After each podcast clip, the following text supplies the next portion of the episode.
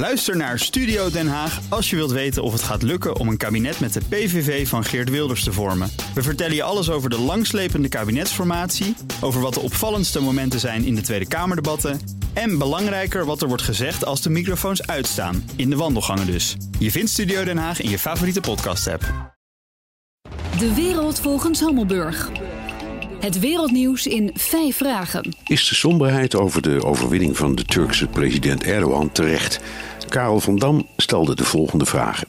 Vraag 1. Wat is nou de kern van de onrust over Erdogans overwinning? Dat de grondwetswijziging, waarover al eerder was gestemd, nu ingaat.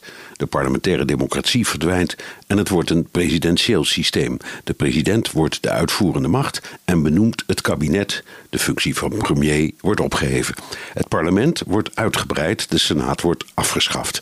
De rechterlijke macht wordt benoemd door de president en verliest volgens de critici zijn onafhankelijkheid. Vraag 2. Zo werkt het toch ook in Amerika? Dat is waar, maar het verschil is dat de president en het parlement in Turkije tegelijkertijd voor vijf jaar worden gekozen. Amerika kiest de president voor vier jaar, maar elke twee jaar zijn er parlementsverkiezingen, waardoor het volk de gelegenheid heeft om de macht van de president te beperken door de oppositie aan een meerderheid te helpen. Dat corrigerende systeem is democratischer. In Amerika nomineert de president rechters, maar de Senaat beslist. Als een partij de meerderheid heeft, zoals nu, is het verschil met het Turkse systeem inderdaad gering. Vraag 3.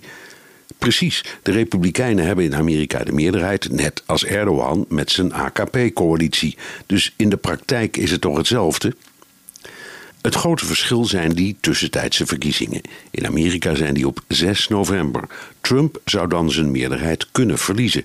Dat is bij Clinton en Obama ook na twee jaar gebeurd. Voor Erdogan geldt dat niet. Die zit de komende vijf jaar op rozen en is daarmee onaantastbaar. Meer een autocratie dan een democratie dus.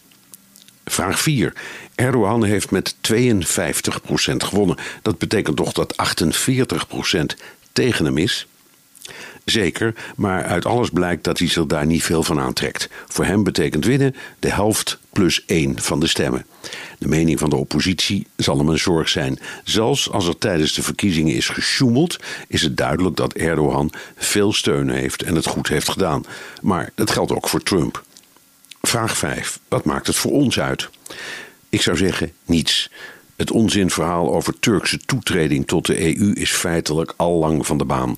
Maar Turkije blijft een belangrijk land als handelspartner, als filter voor de vluchtelingenstroom en, ook niet onbelangrijk, het op één na grootste NAVO-lid. We zullen met Erdogan moeten leven. Hij trouwens ook met ons. Ook Diana Matroos vind je in de BNR-app. Ja, inderdaad. Je kunt live naar mij luisteren tijdens de Big Five. Ook handig in de BNR-app. Breaking nieuwsmeldingen, maar ook het allerlaatste zakelijke nieuws. En je vindt in de app alle BNR-podcasts, waaronder Wetenschap Vandaag. Download nu de gratis BNR-app en blijf scherp.